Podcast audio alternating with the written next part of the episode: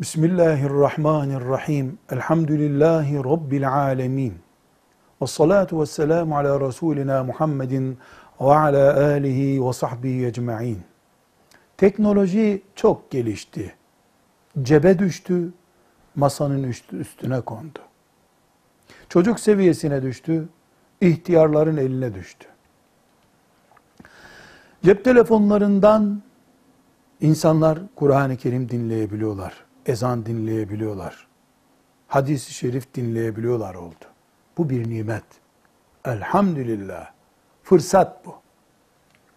Peki filan hafızın okuduğu ayetleri veya Mekke ezanını telefonumuzun zil sesi olarak yükleyebilir miyiz? Ne demek? Benim telefonum çaldığında Mesela Fatiha'yı okumaya başlayacak, telefonumun çaldığını anlayacağım.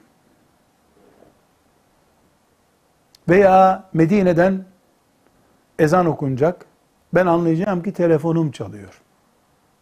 Hatta teknoloji o kadar ilerlemiş ki, evden aradıklarında beni Medine ezanı yüklemiş olacağım. İş yerinden aradıklarında Mekke ezanını yüklemiş olacağım. Oğlum aradığında da Fatiha okuyacak telefonum. Bunlar mümkün teknolojik olarak. Dolayısıyla Medine ezanı okunuyor. Ha evden aradılar diyeceğim. Eşhedü en la ilahe illallah diyor ezanda. Ben telefonumun çaldığını anlıyorum. Eşhedü en la ilahe derken evet diye tuşuna basıyorum.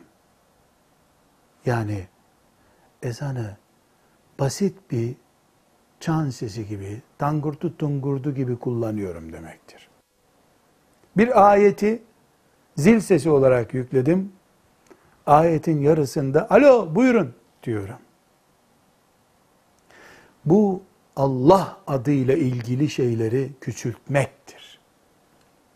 Asla teknolojiyi İslamca kullanmak değildir. Diyemiyorum telefonun zil sesini ezan veya ayet yapmak haramdır diyemiyorum. Buna ikna olmadım henüz. Ama Müslüman Allah'ın ayetlerini zil sesi olarak kullanmaz diyorum. İslamcılığımız bu kadar basit şeylerle ortaya çıkmamalı.